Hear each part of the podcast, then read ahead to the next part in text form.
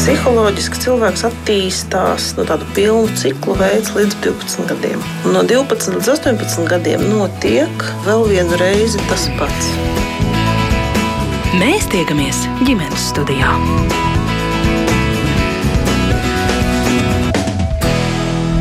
Labdien, klausītāji! Mans sauc Mairits Noteņa, un šīs dienas raidījumu iesāk ar citātu no sociālajos tīklos izlasītā proti. Imantas mammas meklēja draugu savam pirmklasniekam, septiņgadniekam, vēlams vienaudzi, kādu, kurš garlaikojas savā privātmājas pagalmā, jo nav ar ko uzspēlēt bumbu vai paskriet kopā, jo mamma aizņemta ar mazo brāli, māsu vai darbiem. Eh, gribētu dažas darba dienas nedēļā sūtīt ciemos uz dažām stundām par samaksu vienojoties. Bērnam dzīvoklī nav ko darīt. Nu, tā jūnija sākumā rakstīja Laura Truškāne, un Laura šobrīd ir ģimenes studijā. Labdien, Laura! Labdien!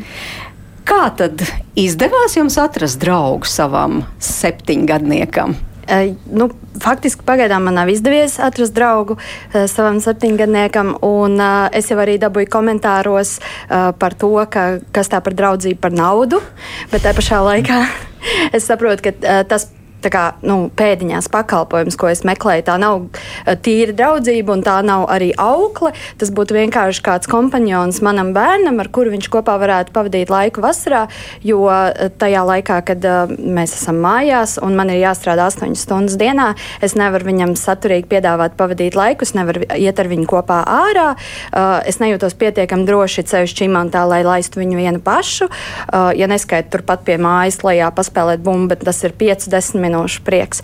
Uh, līdz ar to man tas mērķis bija atrast kādu, kurus varētu um, nu, viņu aizsūtīt, sastādīt uh, kompāniju kādam citam pirmklasniekam, kas garlaikojas, un pagaidām man tas nav izdevies. Ne. Nu, kā jūs pat vērtējat, kāpēc nav izdevies? Jo nu, noteikti jūs neesat vienīgā ģimene, neesat vienīgā mamma. Jūs bērns nav vienīgais, kurš šādi garlaikojas dzīvoklī. Mm -hmm. nu, es domāju, ka varbūt, ja mums būtu tuvāk kāds variants, jo bija uh, vecāki, kas bija ieinteresēti, bet uh, neviens no viņiem nedzīvoja mums tuvumā, un tad jau nedaudz tas tomēr zaudē jēgu, ja man, piemēram, vajadzētu vest kā, uh, savu bērnu uz juglu, lai viņš tur paspēlētos, un tad nu, braukt no imants uh, viņam atkal pakaļ uz juglu un vest mājās, tad uh, bišķiņ zūd jēga tam, uh, tam, ko es meklēju. Bet uh, interese bija, vienkārši tā interese nebija mums pietiekoši pietiekoši tuvu, un ja kāds vēl arī dzīvoklī garlaikojās, tad tas gluži nav tas, ko es gribēju. Es gribēju, lai bērnam ir iespēja pavadīt laiku ārā. Līdz ar to tās prasības ir tādas pietiekami specifiskas, lai būtu grūti tomēr atrast. Nu, bija interesi, jā, es arī palasīju komentāros, tur, piemēram, Laura raksta, mums līdzīgi ar teju 11 gadnieci, bet juglā labprāt atrastu kādu, ar ko meita var padraudzēties, vai, piemēram, Gunta atsaucās uz jūsu rakstīto. Forša ideja, ja nu kāds grib kalngalē reizēm pievienoties uz dzīvošanos, manām dāmām, kurām šobrīd 9 un 5 gadi, tad laipni lūgti, jā, viņām arī ļoti gribas kompāniju. Bet jūs ar savu dēlu saskaņojāt pirms jūs rakstījāt šo sociālo sociālajos Nē. tīklos? Nē, es nesaskaņoju, bet uh, es reiķinājos ar to, ka viņš pilnīgi noteikti būtu atvērts šādai draudzībai, tāpēc, ka viņš uh, vispār pēc savas būtības ir ļoti draudzīgs un ļoti uh, sociāls. Un, ja es viņam teiktu, klausies, aizbraucam tagad iepazīties, tur viens puika, viņam ir uh, pagalms, tev ir bumba, jūs varat paspēlēt kopā, viņš būtu, yes, kad braucam!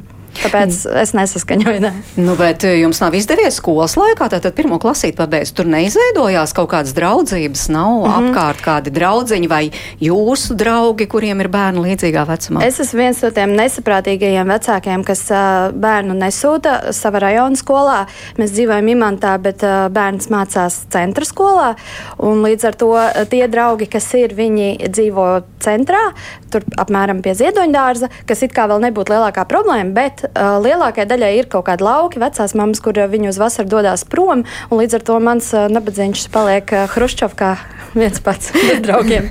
nu jā, jāpiebilst, ka Laurai ir arī četrgadnieks vēl, bet tas jā. tomēr nav īsti rotaļbiedrs laikam tam septiņgadniekam, vai ne? Nu, tas, nu, protams, tas ir kaut kādā mērā rotaļbiedrs, bet uh, ja es, piemēram, varētu um, viņus izlaist abus kopā pagalmā paspēlēties kaut vai uz stundu, tas jau man būtu ļoti liels atsloks tajā darba dienā, jo tomēr man maksā darba dienā par darbu, ko es daru.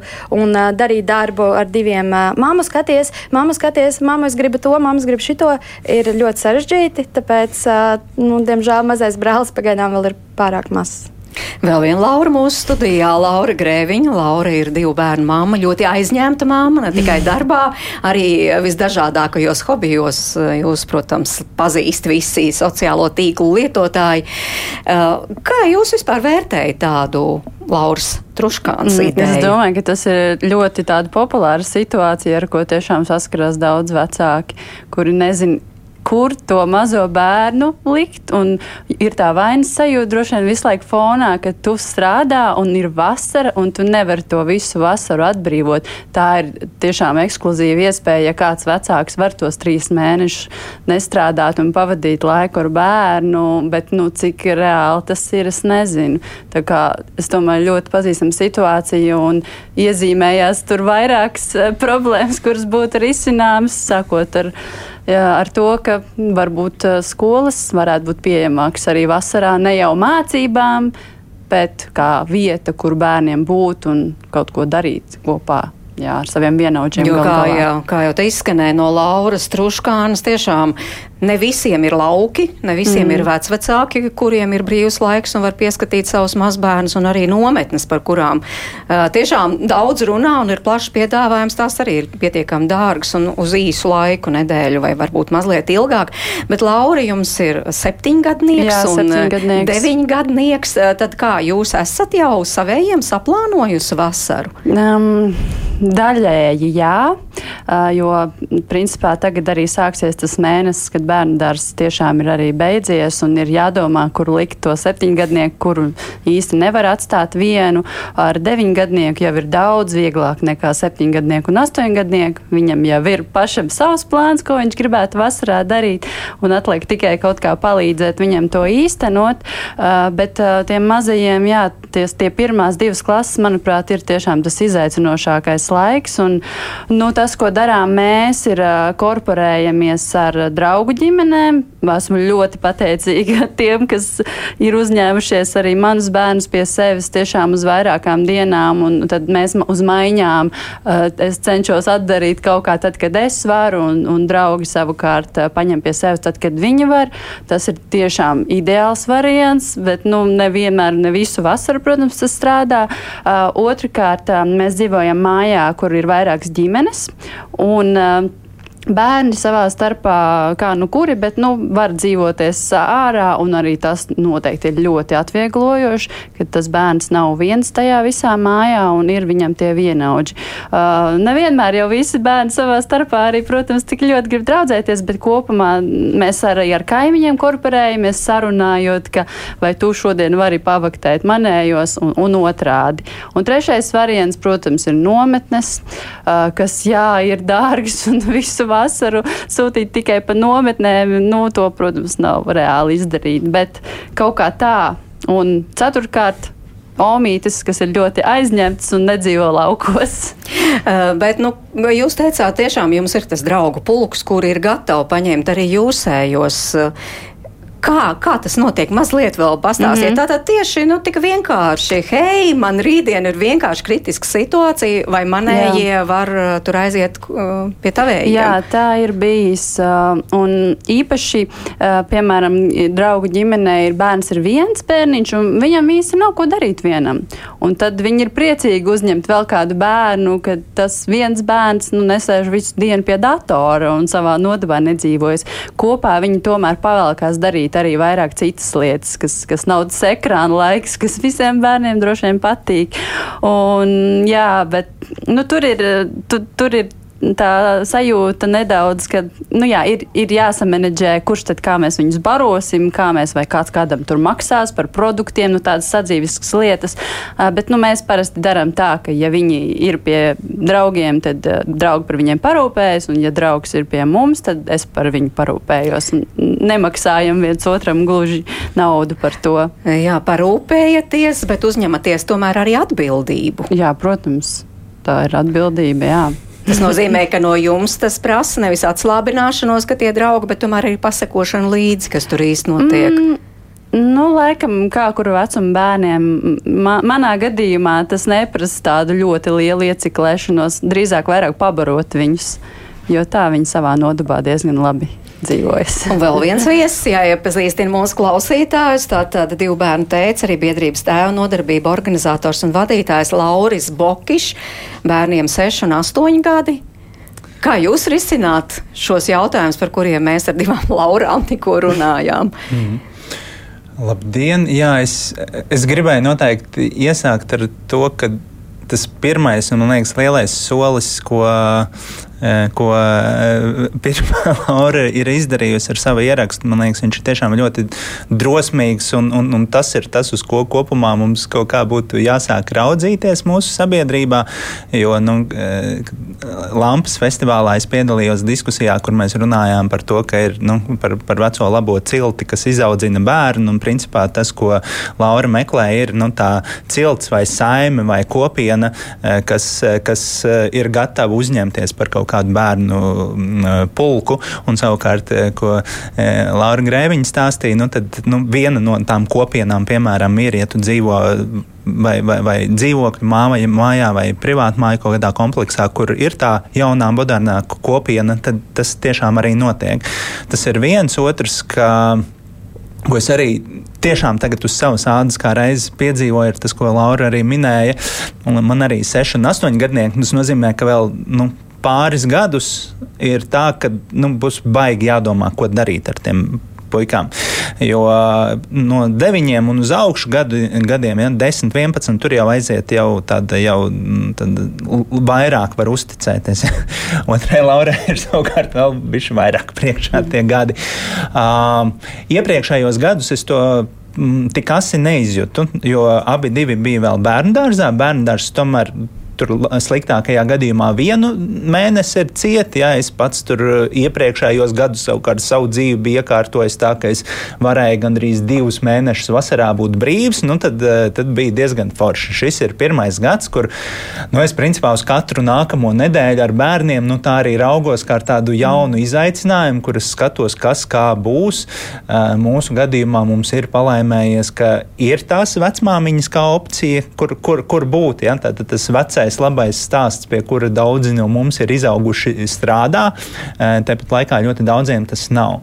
Eh, vēl mājā, kurā es dzīvoju, tiešām ir jauki kaimiņi, līdzīgi kā Laura teica, kuri saka, nu, mēs strādājam pamatā no mājām, nu, tā kā mums ir dārsts, nu, lai tie bērni nāk pie mums, mēs viņus pieskatīsim. Ja? Un tas, protams, nu, uz, i, i, tur, tur viņiem ir ko dzīvoties. Ja? Un, un, tā, un, un tas arī ir stāsts par to, kas ir kopumā tā vide, kur mēs varam bērnus palaist. Ja, ja ir imantas eh, pagalms, kurā arī es esmu izaudzis, nu, tad, un, un zinot, kāda ir mūsdienās, nu, tā kā ir droši vien tā, ka negribas baigi tur laist. Ja, ja ir eh, tāds jau nu, tāds piemājas pagalms, ir kaut kas, ja tev ir māja pie, vai vasarnīca pie jūras, ja, kur tu vari aizvest, tur vienalga, cik bērnus eh, pludmalē. Nu, tur, Tur jau tad vairs nav pat jautājums, vai viņi ir gatavi draudzēties vai nē. Viņi tur vienkārši nodarbojas. Viņi tur ir nodarbināti, viņiem tur ir ko darīt. Ja viņi grib socializēties, viņi socializējas. Ja viņi grib rakt vieni paši tuneļus, viņi rok. Ja?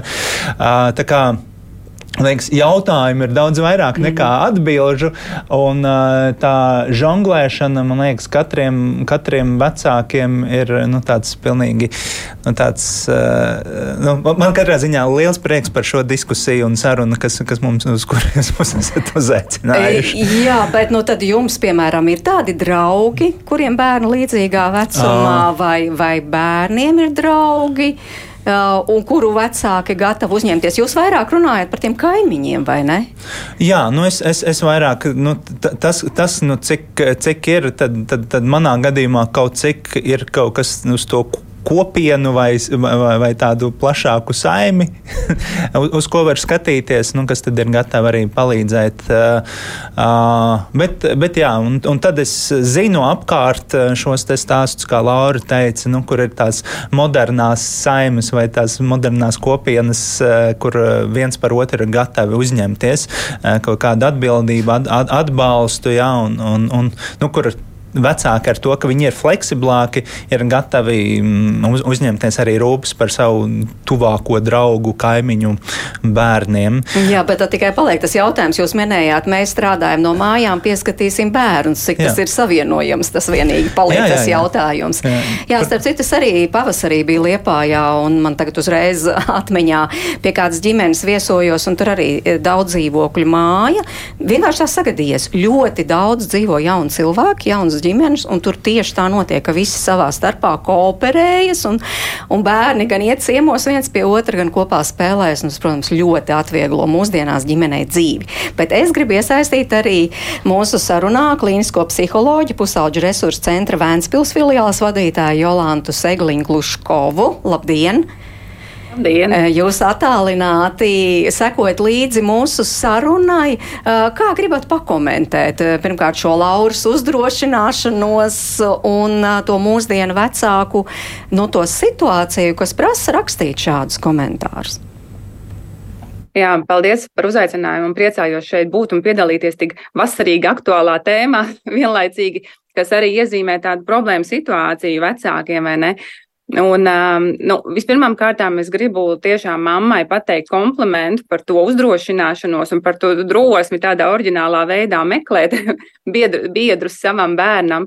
Jo zinot to, ka mūsu sabiedrība tādas oriģinālas idejas nevienmēr labi tolerē, ne, tad uh, tas prasa tādu saņemšanos. Uh, es apsveicu par šo ideju, jo mums ir droši vien jābūt pietiekoši radošiem, lai mēs atrastu tā, tos risinājumus. Un es esmu tikai par to, Um, ka, jo dažādāk, jo, jo lielāks iespējas ir atrast risinājumus. Bet, protams, arī šādās situācijās meklējot, kur mēs varam uh, un ar kādām ģimenēm mēs varam kooperēties, ir jārēķinās arī ar veselu čupiņu dažādām niansēm, kas var būt apgrūtinājums arī. Ja? Nu, teiksim, cik, cik ļoti lielā mērā mēs pazīstam to, to draugu ģimeni, vai viņa ir draugu ģimene, cik lielā mērā uh, mums sakrīt, teiksim, kaut kādi audzināšanas principi vai drošības noteikumi, prasības pret drošību. Un, un svaigais gaiss sētā tā ir laba opcija, bet tai pašā laikā, nu, vai mēs varam justies droši, ka visas sētas, kur mēs sarunājam bērnu, ir drošas, teiksim, jā. Un, un, un tāpat tās tā, tas lielais izaicinājums vienošanās par um, nu, teiksim, to dienas režīmu, kādā veidā tas uh, bērniņš tur to, vai bērni kopā, ja to dienu pavadīs. Jo um, runājot ar vecākiem un satiekoties un dzirdot uh, viņu tādas, nu, tā kā prasības ir ļoti, ļoti atšķirīgas. Ja? Uh, kādam ir ļoti svarīgi, tā kā tiešām ļoti stingrs un piepildīts dienas režīms, kāds ir atkal vairāk tāds brīvāks grožos un attieksmē pret bērnu brīvo laiku. Nu, tā kā tāds ves, vesela čupiņa dažādu nianšu, kuras arī būtu jāizrunā, pirms mēs spēram šo soli uz kooperēšanos. Laura Truškāna, jums bija galvā tas plāniņš, tad par ko es tomēr painteresēšos un kas man būs svarīgi pirms nu, slēgt to līgumu un atstāt savu bērnu kaut uz tām dažām stundiņām? Nē, man nebija nekāds plāns, un es domāju, ka līdz tam vajadzētu vispirms uh, tikt. Um, skaidrs, ka es neprasītu cilvēkam, lai viņš nodrošina tur kaut kādu uh, mācīšanos un izglītošanos un obligātu, nezinu, grāmatu lasīšanas laiku un uh, obligātas, nezinu, ko tur vēl, um, vegāniskas, veselīgas uzkodas vai kaut ko tam līdzīgu, uh, jo tas nebija galvenais mērķis, bet uh, tajā brīdī, kad būtu kaut kāds reāls variants, tad, protams, ka mēs apusēji iepazītos, jo tas ir apusēji tā, tikpat ļoti man ir uh, viņiem kā, jāspēj pieņemt mans bērns, kā man jāspēj viņiem uzticēt savus bērnus. Tāpēc uh, tajā brīdī, kad es līdz kaut kam tādam tikšu, tad mēs arī skatīsimies, kā to realizēt. Nu jā, un arī droši vien bērniem, vai tur savstarpēji vispār nu, viņi tā kā iepazīstoties, vai tur nu, sapas vai nesapas. Protams, bet to jau nevarētu pirmajās piecās minūtēs visticamāk saprast, uh, pavadīt vienu dienu kopā un gal galā, ja neizdodas, nu, tad neizdodas izdodas, bet tad es vismaz būtu mēģinājusi. Bet uh, tas jau bija, man liekas, gandrīz mēnesis atpakaļ, kad es uh, meklējusi. Teikšu, godīgi, es neesmu ļoti tā uzcītīgi meklējusi, nav tā, ka es katru dienu nu, tur eju internetā un, un meklēju, kurš man bērnu paņems.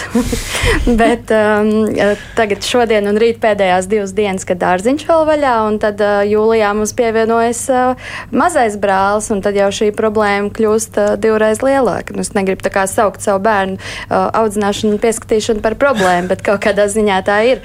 Un man ir paveicies, ka, ka mans darbdevējs ir saprotošs un es varu strādāt no mājām, bet ir citi cilvēki, kas to nevar darīt, uh, jo vienkārši nav tādas opcijas. Un te pašā laikā kaut kādas dienas es varu aizbraukt uz biroju, jo, piemēram, mans uh, draugs var pieskatīt bērnus, bet citiem cilvēkiem nav tādas opcijas, jo viņi audzina bērnus vieni paši. Tāpat arī mēs pirms raidījuma nedaudz pieskārāmies tēmai par, par uh, bērniem ar īpašām vajadzībām, ka tur tā problēma ir vēl sāpīgāka. Tāpēc uh, patiesībā tā tēma ir ļoti dziļa un plaša. Mm -hmm. Jā, Laura Grēviņa droši vien varētu mm -hmm. papildināt par to, ka tiešām, ja bērnam ir īpašas vajadzības, um, grūtāk jā, atrast tos draugus un grūtāk arī atrast kādu, kurš jā. būtu gatavs jā, pieskatīt. Sarunas vienkārši runāja tieši ar labu draudzeni, kurai ir bērns ar speciālām vajadzībām, un, un uh, tas, ko viņa man teica, var nodot mēsīģu arī radio klausītājiem, ka, principā, vecāki ir spiesti, nu, viņi nevar atļauties iet strādāt pilnslodzes darbu kā tādu, ja trīs mēnešus viņiem tiešām nebūs, kur to bērnu likt, jo tas, ko viņi minēja kā opciju, būtu, ka šīs skolas vismaz ir atvērts kaut vai par maksu, kur tu vari aizvest to bērnu, viņš ir pazīstamā vidē, drošā vidē, un vecāks, tad, kad viņam ir jāstrādā, tad viņš to var darīt. Un, bet jā, šāda opcija nav vispār šobrīd. Nu jā, ir citās valstīs, ir, kur tiešām mm. skola strādā arī vasaras periodā, bet tad, tad, tad vairāk tādā, eh, nu, in, nu kā interešu izglītības iestāde, ne, nekā tāda klasiska skola. Un šiem bērniem arī nometņu izvēle nav noteikti tik spīdoša, ja vispār ir kāda. Tā kā, jā. Bet ir tādas vairākas nianses, kas jau ir pavīdējuši mūsu sarunā, vai tā ir tikai urbāna, tātad eh, lielu pilsētu problēma. Es, starp citu, gribu arī eh, pajautāt klausītājiem, tiešām varbūt, ka tie, kas dzīvo laukos, vienkārši domā, par ko viņi tur runā. Mm. Tas taču tik normāli kā mēs arī atceramies droši vien savos laikos. Ja. Visi iet ārā un, un skraida un spēlējās, un, un par ko vispār ir stāsts. Es tiešām gribu pajautāt klausītājiem, kā tur īsti tajos uh, laukos ir. Un otra lieta, kas te izskanēja no vecāku puses, es gribu psiholoģijai lūgt arī mazliet pakomentēt. Viņa teica, ka visgrūtākais periods vecākiem ir tad, kad bērniem ir tie 6, 7, 8 gadi, nu, būtībā pirmās klases. Uh, droši vien, ka jūs to varētu apstiprināt, vai ne? Ir nācies dzirdēt, jā. Bet, vai, vai tas būtu jautājums, kādas tieši tās grūtības vai Nu jā, nu tas, ka bērni vēl, protams, mazi, tas, ka viņus nevar atstāt vienus, bet vai šādā vecumā, nu ja mēs tiešām to draudzēšanās tēmu vairāk skatāmies, kā viņiem ir ar to, nu tādu nu, spēju sadraudzēties, vai viņi var tik ātri, kā piemēram Laura te ir ieplānojusi uh, sadraudzēties, vai, vai, vai kā, kā tas īsti ir? Vai tur vecuma posmam ir kāda nozīme? Jā, es, es sapratu jautājumu. Un te kaut kur varbūt es pieminēšu jau mammas teikto, ka es pazīstu labi savu bērnu. Es zinu, ka viņš būtu gatavs. Un man liekas, ka ļoti svarīgi ir šeit pirmkārt vecākiem pazīt savu bērnu, cik viņš ir gatavs sabiedriskai tādai aktīvai draudzībai. Un, un jā, mazie bērni, sešgadnieki un, pirm, un, un, un septiņu un astoņu gadnieki Viņi diezgan viegli iemācās sadraudzēties, vēl jau vairāk, ja pieaugušie ir atbalstoši un piepalīdz. Jo viņi vairāk draudzējas pēc principa patīk, nepatīk. Ja viņi atrod kādu kopīgu eh, tādu spēli vai rotaļu, eh, teiksim, pusauģi vairāk nerotaļājās, ja? bet mazie bērni, kamēr vēl rotaļājās un kamēr viņiem ir interesants kopā darīšanas, eh, tikmēr sadraudzēties ir vieglāk. Tad, kad tas vecums jau kļūst lielāks, tur ieslēdzās citi principi, pēc kā mēs izvēlamies draugus, pēc kā jaunieši izvēlās draugus, jā, un, un tad jau kļūst grūtāk. Bet uh, es ļoti uzsveru to uh, domu, uh, kad uh, tiek jautāts arī bērnam pašam, vai viņš grib, ko viņš par to domā, kā tas būtu, aiziet tur mājās, vai pie draugiem, vai pie svešiem, iepazīties, sadraudzēties un tā tālāk. Lai tas plāns uh, nu, nepaliek tikai tāds mammas motivētais plāns uh, atrisināt situāciju, bet ka tas bērniņš arī ir uh, nu, tāds sadarbīgs visā šajā plānā. Jo, jo ņemot vērā mūsu bērnu temperamentus, raksturus un, un, un vidi, kurā viņš ir audzis, katram ir sava tāda pieredze, un vēlme uz draudzēšanos, kāds ir vairāk sabiedriskāks, kāds ir vairāk klusāks. Un te vēl noteikti ir jāņem vērā arī tas, vai bērniņš nāk no ģimenes, kurā viņš ir vienīgais bērns, jā, cik liela ir tā viņa biedrošanās vai ikdienā, teiksim, saskarsme ar bērniem. Vai, vai viņš ir jau tāds nu, tā no pilnākas ģimenes, kur, kur, kur jau ir tā nu, ikdiena komunikācija ar citu vecumu bērniem, jau ir nu, tāda sadzīvisks ieradums, jāsaka tā. Nu jā, es pirms raidījuma arī palasīju, ko jūsu kolēģi saka par šo tēmu, un, piemēram, psiholoģija vai Aunīta, viņa arī uzsvēra, ka nu, arī puikām ir vieglāk sadraudzēties. Kaut kā viņi, viņiem, ja viņiem kopīgs interesi, tad eh, vieglāk arī kopīgu draudzību izveidot. It kā meitenēm tur vairāk ir tā nu, tāda draudzēšanās viens pret vienu, un tad tur grūtāk vēl kādas meitenes pievienot. Jūs tam piekrītat? Uh, jā, kaut kādās situācijās piekrītu, bet es teiktu, ka tas arī ne, ne visu iezīmē, ne visus bērnus tas iezīmē. Jo es domāju, ka vairāk dominē tomēr tādas temperamenta īpašības bērniem, kur, kuri ir vairāk vērsti uz saskarsmi, savukārt, kur ir vairāk introverti. Uh, jo arī starp meitenēm ir ļoti aktīvas un viegli sadraudz, nu, sadraudzēties spējīgas. Uh, es varbūt tā ieteiktu tā kā mm, mēģi, nu, arī pievērst uzmanību tām atšķirībām, vai mēs meklējam draugus, vai mēs gribam panākt draudzēšanos, vai, vai biedrošanos, vai mums pietiek ar biedrošanos. Jā? Jo, teiksim, ja, ja bērnam būtu. Mm, nu, pret viņa vēlmi, varbūt pat ne pret viņa vēlmi, bet, nu, ja viņš sajustu, kā mamma grib pa visām varītēm, lai es sadraudzējos ar kādu, vai arī, nu, ka tur kopā pavada to laiku, un mēs spiežam uz to draudzēšanos, bet viņš, teiksim, ir introverts, un viņš ir pieredzējis vairāk pabūt vienatnē un savā telpā un vienītī paspēlēties, ja, tad viņam tā, nu, izteikšos kultūras šoks tāds savā, savā ziņā varētu būt, ja, un, un ļoti, ļoti respektējamas ir bērna šīs individuālās vajadzības un individuālās īpašības jā, ar kādu mēs viņu tā kā gribam nu, šajā jaunajā tādā sistēmā varbūt ievest vasarā. Nu, tā kā mēs varam pieminēt tiem, kuriem tomēr tāda introvertāka bērna, tiem tomēr savā ziņā arī grūtāk. Bet jūs ņemat vērā, vai ne, kā vecāki šīs savu, savas bērnu tur? Jā, jā, jā, jā noteikti. Un man, man te jūnijas sākumā arī bija gan vajadzība, gan iespēja, gan, gan izmēģinājums. Tieši ar abiem saviem bērniem es vienu, vienam pamēģināju, kā viņam būtu citā bērndārzā un otru es izmēģināju nometnē. Uh, nu, pirmo reizi katram, katram, katram ir kaut kāda jauna pieredze. Un, Un tās pieredzes bija ļoti, nu, kā, jā, nu, š, š, un šeit arī bija tas, ka mazākajam puikam uh, izmēģināt citu bērnārzu. Viņam pirmo dienu bija baigi interesanti, otro dienu bija uh, arī interesanti. Trešajā dienā viņš saprata realitāti, ka viņam nav viņa draugi. Viņ, viņ, viņam savu, viņš ir ļoti tāds, nu, tā kā sabied, sabiedrisks, it kā ļoti draudzīgs, bet viņam īstenībā ir ļoti svarīgi viņa draugi. Un tad tajā, nu, trešajā dienā viņam bija lūzums. Viņš saprata, ka viņš ir nonācis citā vidē, pie citām audzinātājām, pie citiem bērniem. Viņš ar šiem puikām, meitenēm nevar īsti sadraudzēties. Un viss viņš teica, nē, visi šo vairāk negribu. Paldies! es aizēju sēdēt, sēdēt ar tevi. Saku, tiešām, kā, saku, bet tev būs jāsēž vienkārši man blakus, jo man ir jāstrādā. Viņš saka, jā, ok, labi, sēdēšu. Un tā arī bija. Viņš vienkārši visu dienu man nosēdēja blakus. Mm. Nu, es viņam iedevu papīru lapu un teicu, viss tev ir jābūt klusam, mierīgam, sēdi, lūdzu, tev ir alternatīva iet ar bērniem.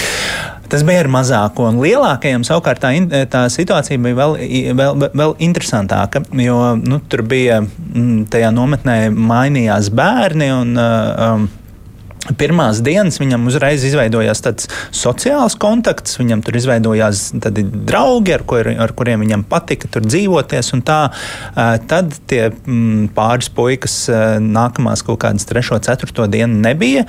Tad viņam tas, kas bija visinteresantākais, bija tie nometnes uzdevumi. Un tajā brīdī, kad, nu, kad arī uzdevumi beigā, beidzās, ja, tad prie, priekšpēdējā pēdējā dienā nu, viņš vienkārši ļoti labi paņēma to savu telpu. Okay, viņš tur ir pieskatīts, jā, tur apkārt ir kaut kas, bet ir rotaļlietas, ir kaut kāda vide, kurā viņš jūtas ok, un viņš pavadīja nu, tā tādā vienītī. Ja. Tā kā principā vienas nedēļas ietvaros viņš izdzīvoja sākot no tādas sociālas sprādziena, jauni draugi, viss baigi interesanti tur runā apzināties līdz tam, ka ir ok, sekot līdz tiem, tam, tam nometnes procesam un tai, tai saturiskajai daļai, līdz tam, ka ok, es vienkārši varu būt viens pats. Ja? Uh, tā, tā ir viena lieta, un otra, kas, kas man te visu laiku galvā um, ir um, par darba devējiem. Man liekas, ka tas, ko Laura teica par to, ka ir fleksibls darba devējs, tas jau ir kaut kāds pirmais solis. Ļoti daudz darba devējiem kopumā, nu, tā kā Covid laiks iedeva šo te, e, e iemeslu kļūt fleksiblākiem un vispār paskatīties uz pasauli ar kaut kādām citām acīm un uz savu darbinieku vajadzībām. Uh, bet man nu, pēdējā laikā ir bijusi diezgan daudz saskara ar dažādiem Latvijas Latvijas darba devējiem Un es redzu, esmu, redzu un esmu dzirdējis un pieredzējis to tendenci, kad arī uh, darba devēji saredz un sadzird sevi kā daļu no šīs kopienas vai atbalsta veidošanas uh, nu, divos veidos vai trijos. Ja? Nu, tas, tas viens ir fleksibls darbs, ja? bet nu, tas ir jāskatās, protams, cik, cik tālu mēs varam būt fleksibli, bet tad apzinot uh, savu darbinieku vajadzības, vai nu paši rīko nometnes vismaz kaut kādu laiku un apmaksā viņas vai daļēji apmaksā, vai dod uh, voucherus vai apmaksā nu, saviem darbiniekiem kaut kur. Nu, šī ģimenei draudzīgā darba devēja pozīcija ir vēl viens aspekts, uh, kuru ir vērts, man liekas, apzināties, par kuru ir vērts domāt, un, un nu, vairāk pēc tā arī, jo, vairāk, jo lielāks būs pras, uh, nu,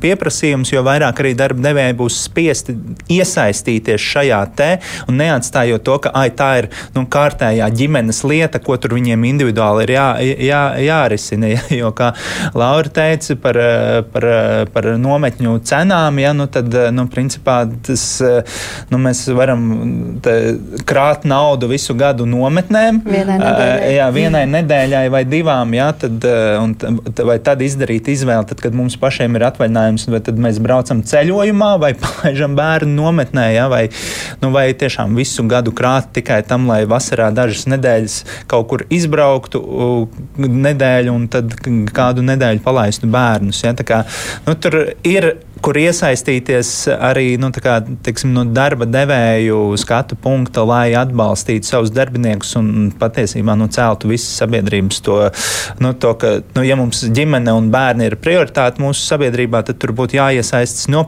no, no viena vecāka, kā to ir izdarījusi, līdz, līdz, līdz pat. Nu, nu, kaut kādam valstiskam līmenim, bet pa vidu tiem, kas nu, reāli to vidi veido. Jā, es atgādinu mūsu klausītājiem, tātad pie mums studijā drosmīga mamma Laura Truškāne, kura sociālajos tīklos joprojām meklē savam septiņgadniekam tādu domu biedru, rotaļu biedru, ar kuru kopā varētu viņš pavadīt laiku.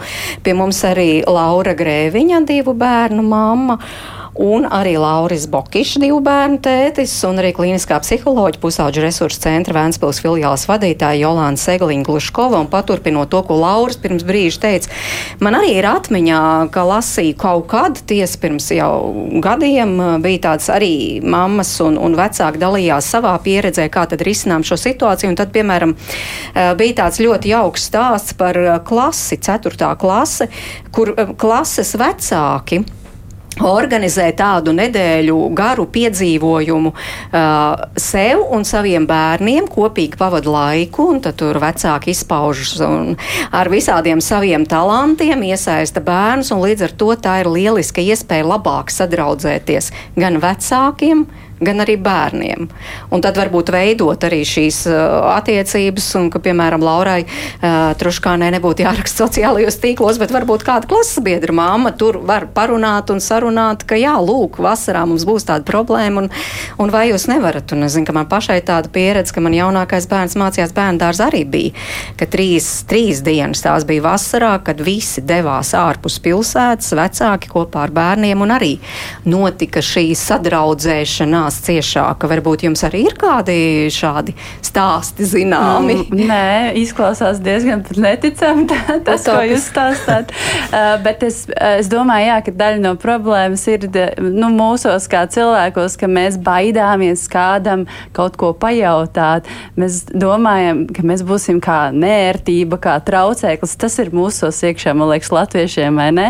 Un, uh, nu, tādēļ mēs klusējam un domājam, ka to bērnu darīt, bet varbūt varbūt tas cilvēks, kas tev ir pretī, arī gribētu tev pajautāt, bet jūs vienkārši klusējat. Un, uh, jā, es domāju, ka jāmet ir tās bailes pie malas, un, nu, un jā, ok, nē, arī ir atbilde, ejam tālāk, bet kaut kā jāmācās mums korporēties. Tiešām tas ciems ir vajadzīgs. Nu, varbūt digitālā vide tomēr palīdz mūsdienu vecākiem šajā ziņā. Nu, kā redzam, pagaidām nevienmēr. nevienmēr, nevienmēr. Ne, bet, uh, tas, ko minēja, ka cilvēka daba tāda, ka bieži vien paprasīt kādam svešam un piedāvāt par to samaksāt, ir daudz vieglāk nekā palūgt kādam uh, savējam. Jā, par to samaksāšanu es tomēr gribu arī paturpināt, jo tiešām ne tikai tie atbalstošie komentāri, kur jā, mums līdzīga forša ideja, bet Marika, manuprāt, vēl speciāli apskatījos, Marika rakstīja tiešām, jūs gribat nopirkt, nopirkt draudzību. Kā jūs, Laura, atbildējāt? Jo savā ziņā jūs par šo pakalpojumu piedāvājāt naudu, un Marikai tas šķita pilnīgi nepieņemam. Es, diemžēl, neatceros, kā es atbildēju. Jūs lasījāt komentārus, jūs varbūt piefiksējāt. Bet uh, realistiski skatoties, tas tomēr ir pakalpojums. Tāpēc, ka, ja es to jautāju pilnīgi nepazīstamam cilvēkam, es nevaru teikt, uh, man ir foršs bērns, gribu viņu pieskatīt. grib viņu pabarot, gribēja parūpēties, lai viņš ir tur uh, vesels un dzīvs, un dienas beigās man viņu atdot vienkārši par paldies. Nu, noteikti, ir cilvēki, kas ir gatavi arī par paldies to darīt, bet uh, es pilnīgi noteikti to neprasītu. Um, Tāpēc es, esmu, es būtu gatava par šo kā par pakalpojumu arī norēķināties. Protams, tur ir jautājums, kādā apmērā uh, un cik daudz, vismaz tik daudz, lai varētu nodrošināt to, ka nu, bērnu var pabarot. Bet tur nav kaut kāda mazliet bīstamība. Bērns jau visu ļoti, ļoti skrupulozi vēro. Oh, redziet, un varbūt sadraudzējas, un šo draudzību mamma nopirka pa maksu, un pēc tam es ar skolā ar konfektēm vai vēl kaut ko starp citu tādu gadījumu arī ir dzirdēti. Jā, zin kā, tā kā pie tās pra, prakses realitātes jau nav tikts. Nu, es, es, kaut kā tas, kā es to dienas beigās iztēlojos, ir, nu, ka bērnam vienkārši tiek iedota līdzi kabatas nauda. Jūs tur kopā iesiet uz veikalu, jūs tur, nu, tur izvēlēsieties, ja, nu, tad nopirksiet tur, nezinu, kopīgu arbūzu, ja, kaut ko. Nu, tātad, nu, respektīvi, tas ir kaut kas, eh, nu, tas, eh, tas kas visticamāk arī, arī notiks. Ja, ja jau nav uzkrituši virsū, ja, tad vieglas nosacīti naudas tīkotāji ja, kuri, nu, tagad, jā, jā, protams, reku mums jau ir gatavs pakalpojums, aplikācija, ja, rekur 15 eiro dienā dodiet mums savu bērnu, ja viss būs tur čiki puki. Uh, nu, nav tāds acīm redzot izveidojies. Ja, tad visticamāk, jau tā realitāte būs atkal aiz tās pašas latviešu dabas. Nu, ka, e, tad, kad sadzirdēs šo raidījumu, nu, kā, uzrādīsies kāds, kas tiešām jā, forši jā, atbrauciet uz limonādi, pačilojam, paskatāmies, jā, sarunās iedot uh, kabatas naudu, jā, vienosies par to, ka nezinu, ēdam pizzas vai nēdam, ēdam maķīti vai nēdam. Jā, nu, kaut kādus tos pamat, eh, pamat eh, noteikumus iz, izrunās, un tā jau tas arī notiek. Arī tur, kur, nu, kā otra Laura teica, nu, tajās kopienās, kur, kur, kur, mēs, nu, kur ir izveidojies tas, ka viens, viena ģimene otra, otras ģimenes bērnus eh, pieskata izklaidē, aizved uz kaut kur izpeldēties vai, vai tam līdzīgi. Jā, Laura Grēviņa, jūs jau teicāt, ka jūs, protams, nedodat viens otram naudu. Nu, tā ir tāda tā kā mēs jums jūs um, mums, jā, bet vispār nauda gan tiek dota. Jā, tas ir svarīgi. Nu, ja tiešām jau tādi bērni, kas māk ar, ar naudu apieties, bet jā, jo nu, veikalu iešana parasti kaut kā notiek, aiziet pēc saldējuma vai arbūza vai kā. Un, jā, tad ir, tad ir labi, ka bērnam ir tomēr arī kaut kas iedots līdzi un nav tā sajūta, ka tagad tam otram vecākam ir viss manam bērnam jāizmaksā un jānodrošina. Jo tas ir mans bērns galu galā. Lūgums arī psiholoģijai, divi aizmetņi, par ko varat vēl parunāt, tātad par šo maksājam, nemaksājam, vai vispār te kaut kā var teikt, nu tad vai tad jūs gribat draudzību nopirkt pa maksu, un otrs par to, kas te ieskanējās arī par to latviešu, nu tādu atturīgo dabu, nu, lai cik man grūti, nepajautāšu, gan jau kaut kā. Jā, nu es sākšu par to draudzību par maksu, jo, protams, tas izteikums ir uh, internetā bijis uzrakstīts un uh, viņš izklausās kritiski, bet es īstenībā šo situāciju redzu vairāk kā pieskatīšanu. Tā ir pieskatīšana, tā ir kā, tas ir kā auklītes pakalpojums, un, un auklītei pienākās maksa. Ja viņai ir savs, nu, teiksim, tā ir māma, kas jau savus bērnus skatās, un viņai ir vaļa un enerģija, un spēja uzņemties papildus atbildību, un viņa to dara ar prieku, kāpēc gan, lai negribētos viņai arī atlīdzināt par šo te enerģiju, jo ne visi vecāki ir tādi uzņēmīgi. Bet, jā, šajā stāstā noteikti varam saskarties arī ar to atbildības sajūtu, jo cilvēki ne tikai baidās un neuzdrošinās palūgt, pajautāt, bet tā otra puse baidās uzņemties atbildību. To es esmu no ļoti daudziem dzirdējusi. Mēs jau uzņemamies atbildību par saviem bērniem milzīgu. Un tad, kad ir tie svešie bērni, ja, kā, nu, mēs viņus tik labi nepazīstam, mēs nezinām, kāds viņš ir pēc dabas, vai cik viņš ir impulsīvs, ko, ko viņš var izstrādāt. Ja. Un, un, protams, tas prasa tādu adaptēšanos un kaut kādu pierašanās posmu, lai varbūt arī nopietnas sarunas savstarpēji starp vecākiem, lai varētu vieglāk rēķināties par šo sadarbību. Uh, par par uh, kautrēšanos varbūt uzjautāt vai kā. Nu, es teikšu tā, mēs atsaucību varam saņemt tikai tad, ja mēs pajautājam. Un, un patiesībā, jo vairāk mēs uzdrošinātos jautāt, jo vairāk mēs atklātu, cik ļoti daudz apkārt mums ir cilvēki, kas no sirds vēlas palīdzēt.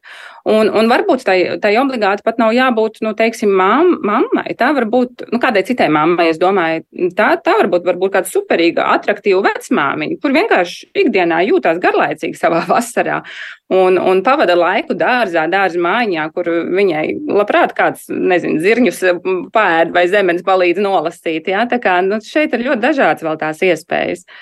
Jā, paldies šī laba doma, jo aizvien vairāk runā par to starp paudžu, eh, nu, tādu savstarpēju izpalīdzēšanu, varbūt tiešām kādai vecmāmiņai garlaicīgi, mm, teiksim, uzticētu. Laura Truškāne. Kur atrast to vecmāmiņu? Es tagad domāju, Nē, protams, ka es uzticētu, jo šajā gadījumā, ja mēs runājam par to paudzi, kas, piemēram, maniem bērniem ir vecmāmiņa, tas ir ap 50 gadi. Nu, kas tas pa vecumu? Tas nekas nav. Uh, ja mēs runājam, piemēram, maniem bērniem ļoti paveicies, viņiem ir daudz vecu vecāki. Jā, jā. jā. Mhm. Bet šajā gadījumā es nevaru no viņiem prasīt to enerģijas līmeni, kas ir nepieciešams, lai pieskatītu septiņgadnieku un četrgadnieku, jo cilvēks, kuram ir 85 gadi, pat ja viņš ļoti, ļoti to grib, viņš to vienkārši nav spējīgs izdarīt, diemžēl. Un, tāpēc es domāju, ka, nu, ja būtu kā, kāda forša 50 gadīga ome, kas man liekas ļoti smieklīgs vārdu salikums, tad, uh, protams, ka jā, es noteikti uzticētu. Mm -hmm.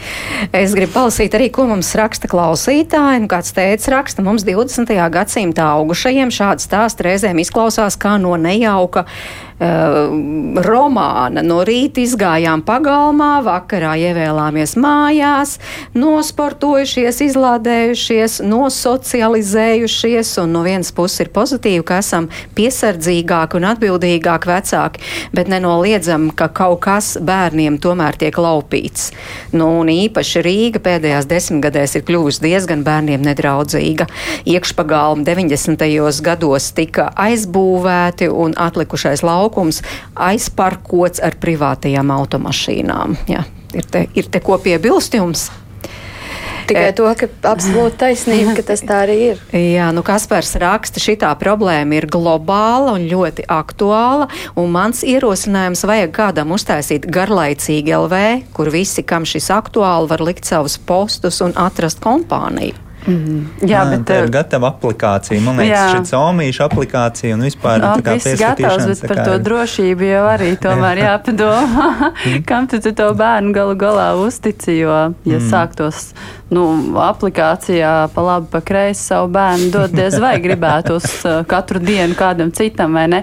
Plus bērniem tā vide tomēr arī, man liekas, ir ļoti svarīga, ja viņš tur jau pazīst un nevis tiešām katru dienu iet kaut kur citur pie citiem mm. cilvēkiem. Bet tā tad faktiski ir tāda iespēja, bet nedarbojas. Jā. Jūs arī, Laura, zināt šo un esat skeptisks, vai varbūt jūs Nē, es nedomāju, ka tāda ir. Mēs vienkārši domājam par to, ka vispār fantazējat. Jā, es nu kā jā. Es nu, vairāk es pēdējo mēnesi pavadīju domājot par to, ka laikam uz nākamo vasaru būs jāorganizē kāds, kāds pieskatīšanas centrs pirmklasniekiem un otrklasniekiem, kur viņi vasarā varētu par saprātīgu cenu, nevis par to, nu, faktiski mēnesī par to, ko viena nometne maksātu nedēļu, varētu mēnesī. Nu, tas, protams, atkal tikai ideja, bet uh, tas būtu laikam visrealistiskākais, kā palīdzēt uh, sev un arī citiem cilvēkiem šai situācijai. Jā, un, un, tur mēs atkal esam tādā neērtā, man liekas, situācijā, jo eh, nu, liela daļa tie, kas varētu nodrošināt, ir skolotāji, un es vienkārši nu, zinu, es šobrīd meklēju sākuma skolas skolotāju, un ir absolūts klusums, un es saprotu, mm. ka viņš ir tādēļ, ka vienkārši visi atpūšas, jā, visi beidzot ir tikuši atvaļinājumā, un, un, un, un, un kā, kā, kā man stāsta pieredzējušā kolēģi, nu, uz jūliju otro pusi, tad sāks atsaukties, jā, mm -hmm. un tad ir jautājums, ka, kas, nu, teiksim, ja mēs gribētu, lai tā plašāk tas notiek, ka, ka, un, un, tā kā, kas, kas būs atkal tas cilvēku kontingents, kur ir, kuriem ir tā enerģija tik daudz, nu, tā izdomāt tās nometnes, novadīt viņas uh, un skaidrs nopelnīt uh, papildus naudu. Man liekas, ka tas ir realistiski, bet par to tiešām būtu jāsāk domāt tagad, Tagad, ja tās, tās ka- kamanas nākamajam gadam. Um, jā, es organizēt. starp citu atcerējos, ka mūsu, Lauri, mūsu bērnu skolā tiek nodrošināts vasaras pieskatīšanas opcija. Vismaz šogad pirmo gadu ir tāds izmēģinājums par maksu, protams. Uh, tā ir privāta skola, bet uh, jā, viņi izdomāja, ka mēģinās vismaz skolas teritorijā, kur bērniem jau zina. Bet te ir viena cita problēma, ka, piemēram, mans deviņgadnieks, viņš grib atpūsties no Jā. tās skolas vidas. Viņš negrib iet uz to pieskatīšanu arī skolā. Tā kā, jā. Sanita klausītāja Sanita raksta, esmu, esmu dzīvojis dažādās Rietuma Eiropas valstīs, piemēram, Beļģijā. Vasaras brīvlaiks ir astoņas nedēļas un ir vecākiem iespējams savu bērnu skolā laist, eh, kur tiek pieskatīti bērni par nelielu samaksu, ko var atļauties visu, visu vecāku bērnu. Un cits Eiropas valstīs, kā Vācijā un Šveicē, ir astoņu nedēļu brīvlaiks, tikai sešas nedēļas. eh, Tā tad ir vecākiem laikam jānodrošina. Un arī, ja es pareizi te izlasu, arī tiek pieskatīts, un te arī par to vasaras brīvlaiku, piemēram, Alberts uzskata, ka nu, ir beidzot jāatrisina šī brīvlaika problēma, nevis trīs mēneši brīva laika bērniem, bet nu, ne vairāk kā divi, lai samazinātu stresu gan skolās, gan ārpus tās, un vecākiem nu, arī atvieglotu dzīvi. Tas būtu risinājums. Mēs te studijā vispār arī daudz par šo esam uh, diskutējuši, tur domas dalās. Jā, manuprāt, nu, es katrā ziņā balsotu par to modeli, ka tas brīvlaiks tiek sadalīts gada ietveros, kad ir ziemas brīvlaiks varbūt garāks vai rudens un tās nedēļas kaut kā, jo, jo to īso periodu ir vieglāk samanedžēt nekā tev tos trīs mēnešus vienkārši noliek. Protams, vasarā vajag brīvlaiku, nav tā, ka vispār visi iet uz skolu un mācās, bet nu, tāds sadalījums vienmērīgāks būtu, būtu ļoti jauki. Jā. Lauri, Laura, otra Laura. Man vairāk ir eh, jautājums, jo kā pirmais gads skolā ir pavadīts, es nezinu, kā tas notiek, bet man vairāk jautājums par to, eh, cik ļoti vasarā tas bērns attiet pilnībā nost no skolas un no tā režīma, un cik viņam grūti ir pēc tam atkal septembrī tajā atgriezties. Ja tas brīvlaiks būtu nedaudz īsāks, varbūt tā pārēja tomēr eh, nebūtu tik sāpīga. Jā, bet tas jau droši vien ir cits stāsts. Un te vēl, piemēram, uh, Ilze raksta, vai Latvijā nav pusauģi, kas labprāt uh, pieskatītu bērnus uz dažām stundām, un vai arī Astrīds raksta bērniem vajag sunīti, saudabi kaimiņu, kurš dzīvo uz jumta un dusmīgu aukli, un viss būs kārtībā. Nu, it kā viss šis ir, bet, nu, reku problēma arī Nē, Man vienalga. liekas, ja mēs iedzīvinātu visus tos tēlus, kas ir liels un mazs grāmatās aprakstīti, tad mums te būtu paradīze zemes virsū, kur bērni ir eh, izglītoti, izklaidējuši un, un aizlidojuši līdz mēnesim un atpakaļ. Man liekas, būtu riktīgi forši. Bet eh, nu, tādā realitātē, eh, nu, atgriežoties pie tā garā brīvlaika, tur droši vien ir vajadzīgs kaut kāds jā, balans eh, ar, ar mazliet izbalansētāku, ko, ko pie mums pilnīgi noteikti varētu at, atļauties. Mazliet varbūt ilgāk jūnijā pamācīties un, un augustā varbūt uh, nedēļu ātrāk atgriežoties un tad pa vidu tur kaut ko ieliekot kādu brīvdienu. Uh, katrā, nu, katrā ziņā ir pilnīgi. Uh, pirmklasnieku vecāki ļoti labi redz, kā, cik foršāk bērniem ir arī to mācību gadu izturēt, ka ir tā papildus brīvlaika nedēļa pirmklasniekiem. Um, jā, ir, februārī. Nu, jā, mm -hmm. rektīgi tāda paša lieta. Jā, bet nu, tagad atgriežoties eh, pie tā, par ko mēs sākām, tā tad eh, bērns viens pats mājās, protams, garlaicīgi dzīvoklī, mamma meklē viņam, nu, pieskatītāju, draugu, ar, kuriem, ar kuru kopā varētu, piemēram, tur kādā privātmājas dārzā uzspēlēt bumbu, gatava samaksāt viņa vecākiem. Bet visa šī sarunas rezultāti, nu, ko, kā jūs redzat, kuri tad tie risinājumi tad varētu, piemēram, tā tad, kā jūs Laura teicāt, varbūt tiešām mēģināt pati, varbūt vecākiem pašiem, tiem, kur ir iniciatīvas bagāti un varoši, veidot nu, tādu nu, pieskatīšanas vietu arī citiem vecākiem vasarā, vai kas varētu būt vēl tās idejas no jūsu puses? Nu, tur vajadzētu sākt ar izpētīšanu no birokrātijas viedokļa, kā to vispār var realizēt, jo tur droši vien ir vajadzīgs speciāls izglītības un visādas pielāgo, telpu pielāgošana ugunsdzēsības prasībām un jautājums, vai tas vispār ir cilvēkam vienkārši ar ar uzņēmību izdarāms. Uh, bet uh, kāds varētu būt risinājums? Es domāju, vienīgais risinājums ir uh, turpināt meklēt. Un tad man ir variants B, kur bija pieminēts par pusauģiem, vai tā nav pusauģi, mm, gan jau ir pusauģi. Tas vienkārši nebija tas mans sākotnējais mērķis, bet noteikti es varētu atrast kādu, kurš vismaz atnāk man jūlijā, viņus uz pāris stundām izved ārā paspēlēties un pieskat, ko viņi tur gal galā dara. Jo nav jau tā, ka nav kur iet, ir futbola laukums tur trīs minūšu gājienā, imantā ir lielais sporta laukums. Tur, Nezinu, astoņu minūšu gājienā.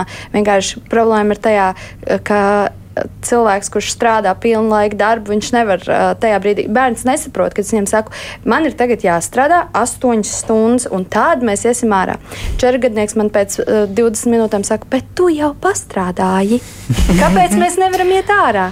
Un tāpat tās pēc likuma septiņgadnieku var atstāt vienu pašu mājās. Kāds strādā realitātē, tas tā nestrādā tagad, tieši pirms es atnācu, viņš man jau zvana. Es, ne, es biju mazāk par stundu prom, viņš jau man zvana, māmu, kur tu esi, kad tu būsi. Tāpat viņš man zvana uz darbu. Lūdzu, brauc mājās, es tev ļaušu strādāt, tikai brauc mājās. Mm -hmm. nu, tāda ir realitāte. Paldies tiešām par šo sarunu. Mums ir jābeidz. Es ceru, ka varbūt kāda ideja radīsies visas šīs sarunas rezultātā. Paldies La Laurai Truškānei, uh, Laurai Grēviņai, Laurim Bokišam un arī Jolantai Segliņai Gluškovai. Paldies klausītājiem, ka iesaistījāties iesaistījās mūsu sarunā Sarmīta Kolāča, raidījuma producente, Toms Šits un Mārtiņš Paeglis pie skaņu pulces, Mārķis Notiņa pie mikrofona un rīt Agnes Linka dosies ciemos pie četru bērnu vecākiem Kuksiku ģimenes.